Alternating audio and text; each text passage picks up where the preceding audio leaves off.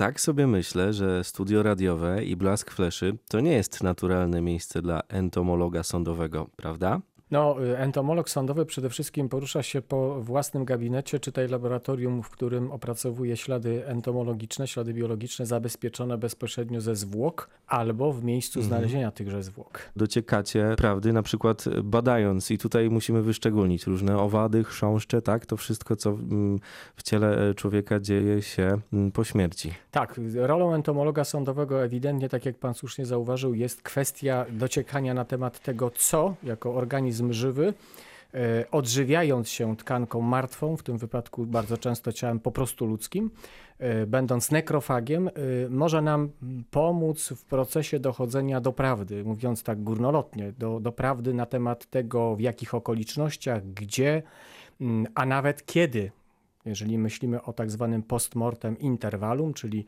czasie, który upłynął od zgonu do momentu znalezienia zwłok. Natomiast nie ukrywam, y, entomolog sądowy właściwie nie istnieje bez ścisłej współpracy z y, medykami y, sądowymi, lekarzami o specjalności medycyna sądowa, czyli tymi ludźmi, którzy na samym początku, jak gdyby bezpośrednio zapraszani do takiej współpracy ścisłej przez prokuraturę chociażby, zajmują się innymi kwestiami i te kwestie rozwiązuje w przypadku różnego rodzaju dochodzeń sądowych, y, właśnie pan doktor Łukasz Leszkowski. Panie doktorze, trafiłam do pana na stół e, i co się wtedy na takim stole dzieje? No najpierw, żeby zwłoki trafiły na stół, muszą być y, formalnie do nas skierowane, tak? Także y, musi być zlecenie prokuratora o wykonaniu sądowo-lekarskiej sekcji zwłok. W Polsce funkcjonuje kilka rodzajów sekcji zwłok. Medyk sądowy zajmuje się sekcjami zwłok prokuratorskimi, czyli tylko takimi przypadkami, w których jest podejrzenie bądź pewność przestępnego spowodowania śmierci, czyli kiedy wiadomo, że jest to przestępstwo, y, bądź no nie ma takiej pewności, ale są poważne przesłanki, że może to być śmierć y, na skutek urazu zawinionego przez y, inną osobę. I takie zwłoki trafiają na stół sekcyjny medyka sądowego. Mhm.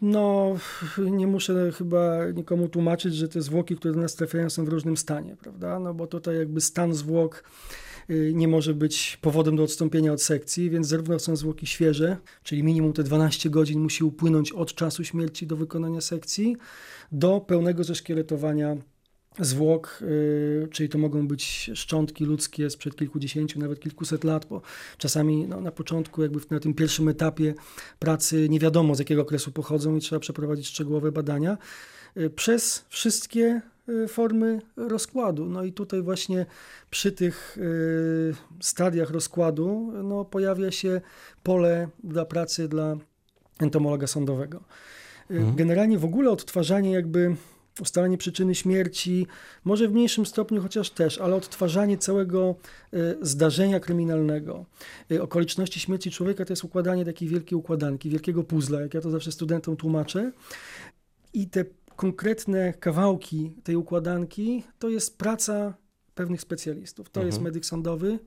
Czasami ta nasza część jest najważniejsza, a czasami niekoniecznie. Czasami dopiero jak się uskłada y, wszystkie, y, wszystkie elementy układanki w całość, dopiero można coś stwierdzić. No niestety medyk sądowy w praktyce y, ma momentami niestety troszkę związane ręce i nie ma takich możliwości, jakie pokazują nam filmy amerykańskie, kryminały. No właśnie, seriale tak. CSI to jednak jest bardzo szerokie pole do interpretacji tej, tej pracy.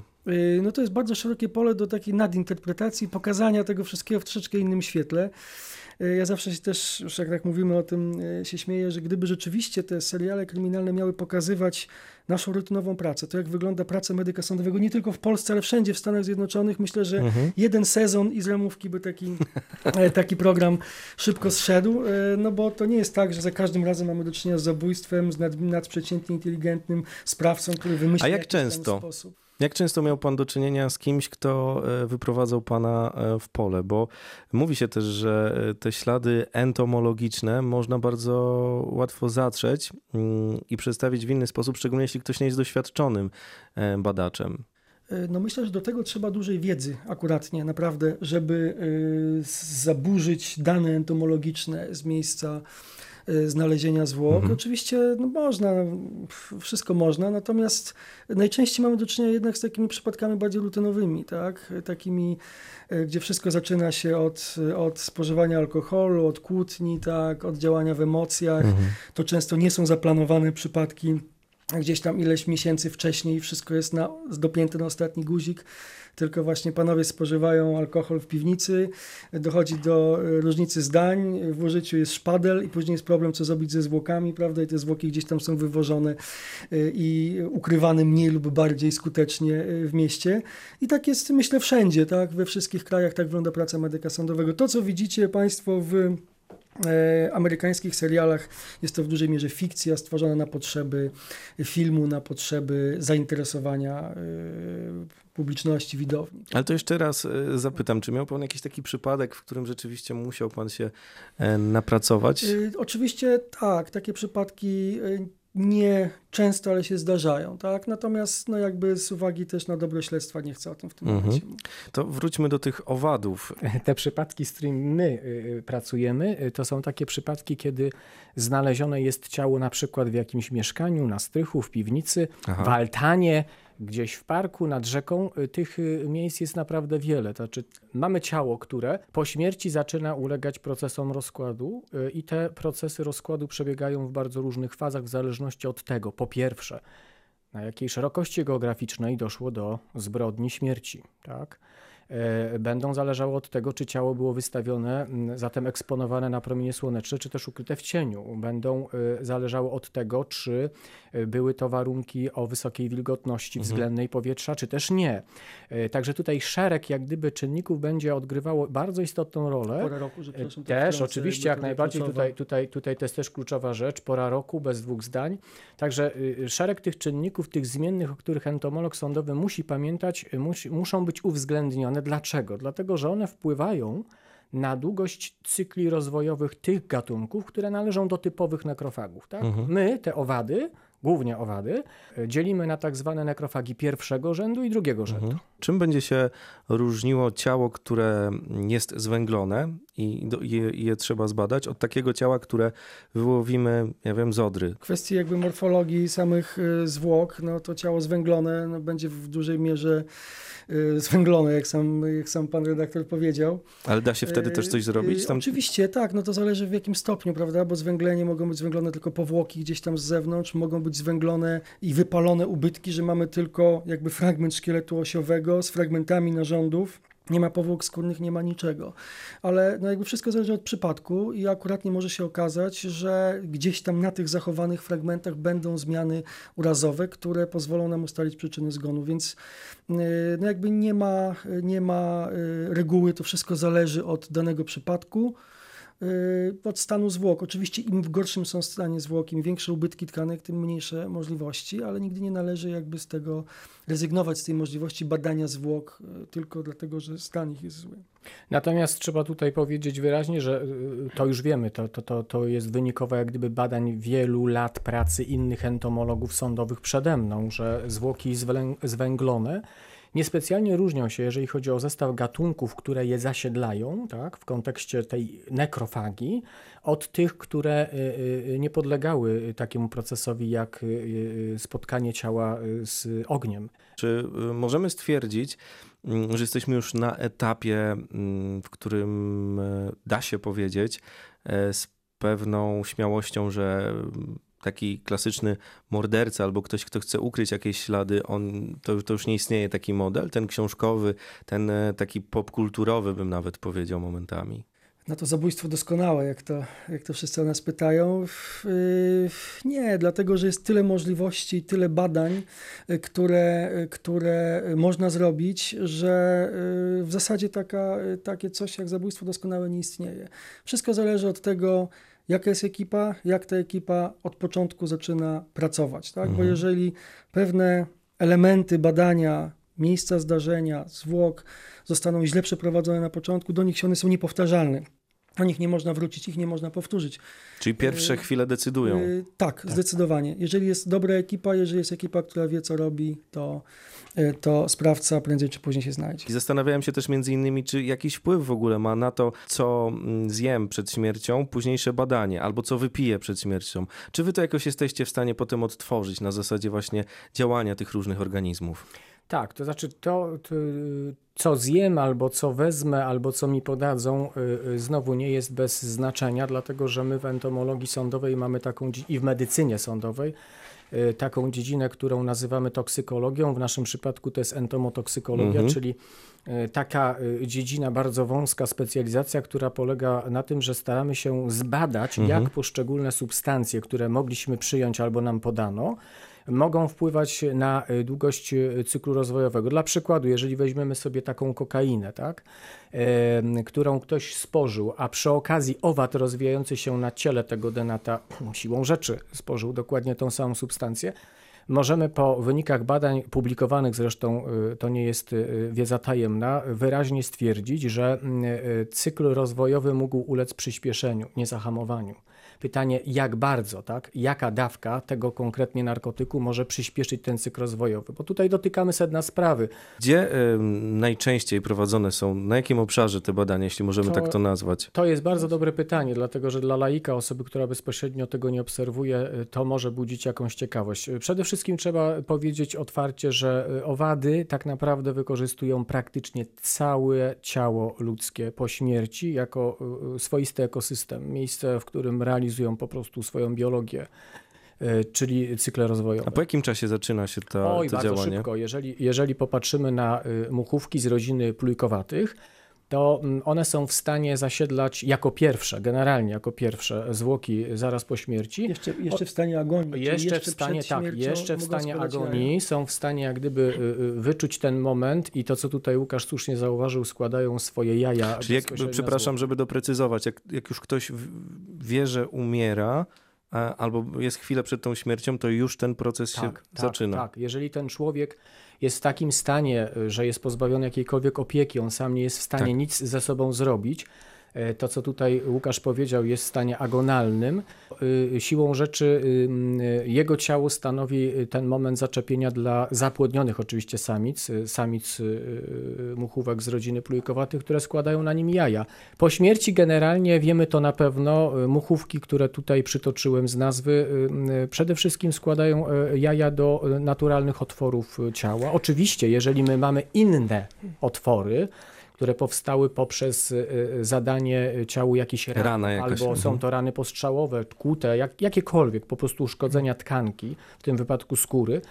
Y, powłok skórnych będą bardzo chętnie wykorzystywane do tego, y, tak samo jak na przykład nasze oczodoły, uszy czy cokolwiek, y, co jest naturalnym anatomicznie otworem w ciele ludzkim. Ja powiem szczerze, ja nie bardzo lubię, jak na zwłokach, zwłaszcza jeżeli to są przypadki zabójstw poważnych, żerują larwy, bo one żerują tam nie po to, żeby sobie żerować, tylko one żywią się ciałem, one uszkadzają ciało, tak. one ten obrażenia, o których mówiłeś, rany kłute, rany postrzałowe, które pierwotnie mają pewien jakiś kształt, jakiś charakter, na podstawie którego ja wyciągam wnioski, jaki był kaliber amunicji, jaki był nóż, czy jedno, czy dwusieczny, jaka szerokość. Larwy w ciągu jednej, dwóch doby mogą z tych nie wiem, kilkudziesięciu ran zrobić jeden wielki, jedną wielką ziejący otwór, który e, tak naprawdę no, nie pozwala nam już na odtworzenie pierwotnego charakteru obrażeń, czyli z jednej strony owady nam pomagają, ale z drugiej strony są też trochę naszym przekleństwem. To co pan lubi, jak jest na zwłokach?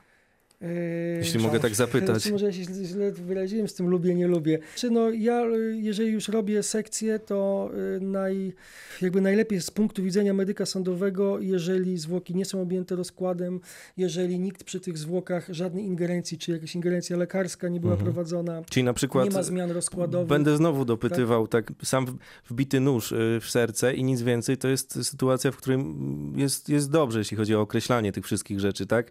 A mm, tak. wbity wbity nóż tak. i dodatkowo jeszcze wokół gdzieś w tych otworach, o których panowie e, mówicie, m, mm, owady czy, czy, czy te inne organizmy, to już średnio. W tej ranie żerujące mhm. owady, czy na przykład chociażby e, sama reanimacja pacjenta, ktoś został uduszony, później zwłoki są reanimowane, czy zwłoki, no ten człowiek jeszcze y, żyjący, Mhm, reanimowany, mhm. czy po zatrzymaniu krążenia reanimowany, y, to też może nam ten obraz sekcyjny mocno, mocno niestety zaburzać. Dlatego na to pytanie, no takie, Mhm. prawda, y, co lubię na zwłokach. Lubię, jeżeli y, zwłoki są nietknięte i mogę obserwować i interpretować pierwotny charakter zmian, które na nich się znajdują. Ja oczywiście, A niestety owady nam w tym ja oczywiście pozostanę w kontrze. Czyli wy się niekoniecznie musicie lubić. Na czym to nie zmienia faktu, że się nadal lubimy. Dlaczego? Dlatego, że y, y, no właśnie, koledzy z medycy sądowi w takich przypadkach, mając tą, tą wiedzę, ona wynika oczywiście z ogromnej ich empirii, doświadczenia, bardzo szybko dzwonią po Marcina i zapraszają do tego, żeby przyjechał i oczyścił, y, oczyścił to ciało z, tych, y, z tychże właśnie owadów,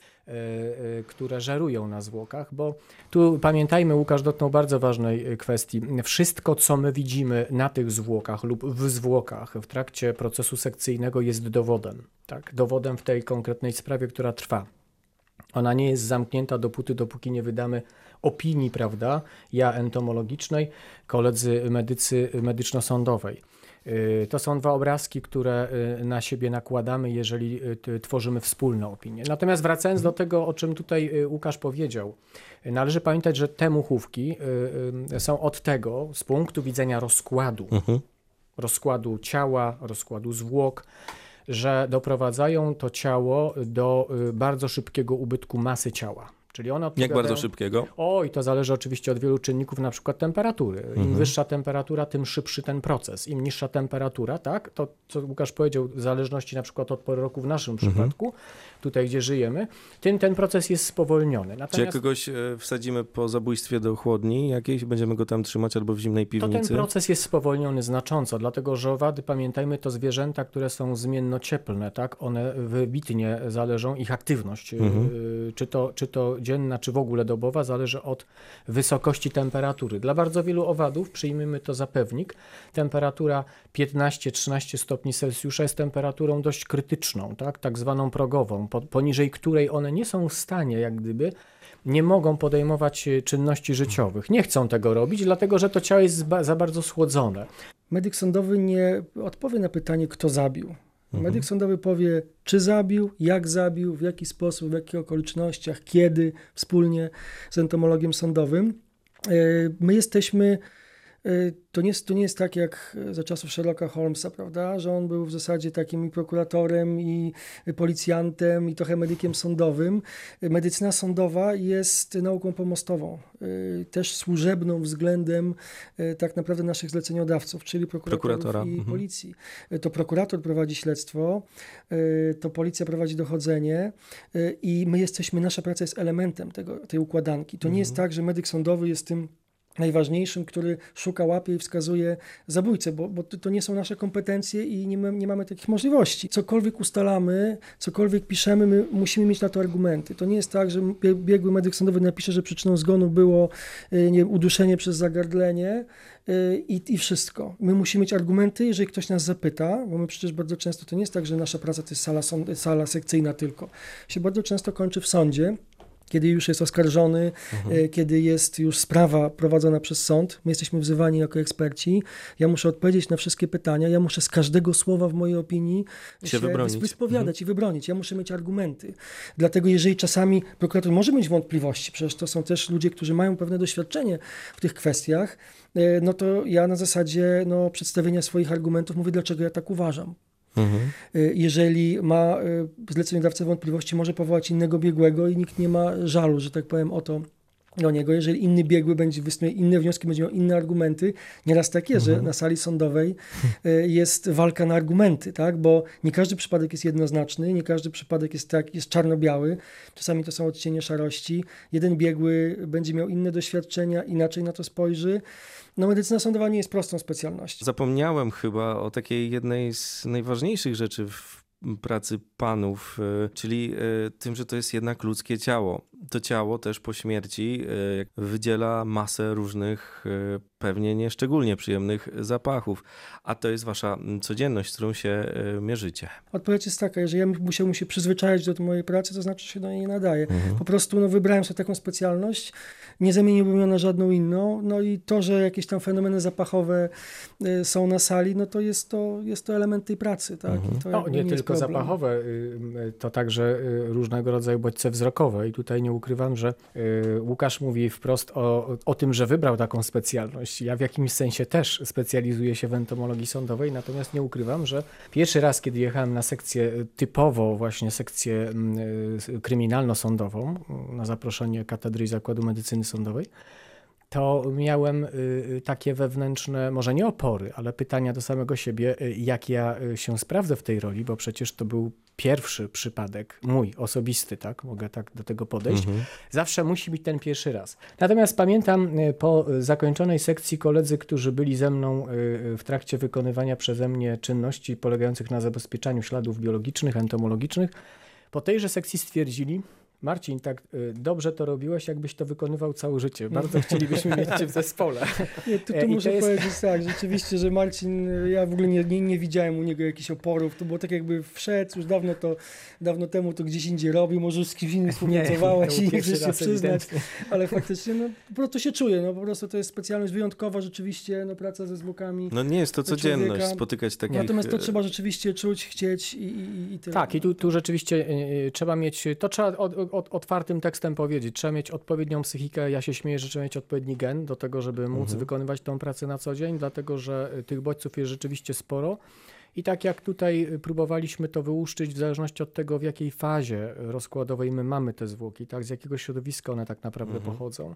Y, Te bodźce są albo silniejsze, albo słabsze, zarówno te wzrokowe, jak i te zapachowe. I nie oszukujmy się, to nie jest praca, która która jest pracą y, y, y, polegającą na tym, że wchodzimy prawda, do biura, ma piękne białe ściany, bo tak, ma. Y, y, y, No właśnie, i pijemy tam kawę. Tak jak pokazują to m, na przykład niektóre z seriali. Chcecie mi panowie powiedzieć, że mam przestać oglądać wszystkie moje ulubione kryminały i czytać wszystkie książki, w których Nie, e, jest prawione o zabójstwa? Proszę dalej czytać książki, ale już ze świadomością, że niekoniecznie to musi być prawda. Aha. Tak, czyli na, nakładać na to, co pokazują nam media od strony jak gdyby czysto takiej masowej y, y, i pewnego przekazu, pewien filtr. Mhm. Ja oczywiście nie, no, nie, nie jestem w stanie jakby tutaj zagwarantować, w jaki sposób są y, scenariusze przygotowywane takich filmów kryminalnych, czy one są w jakiś sposób z ekspertami konsultowane.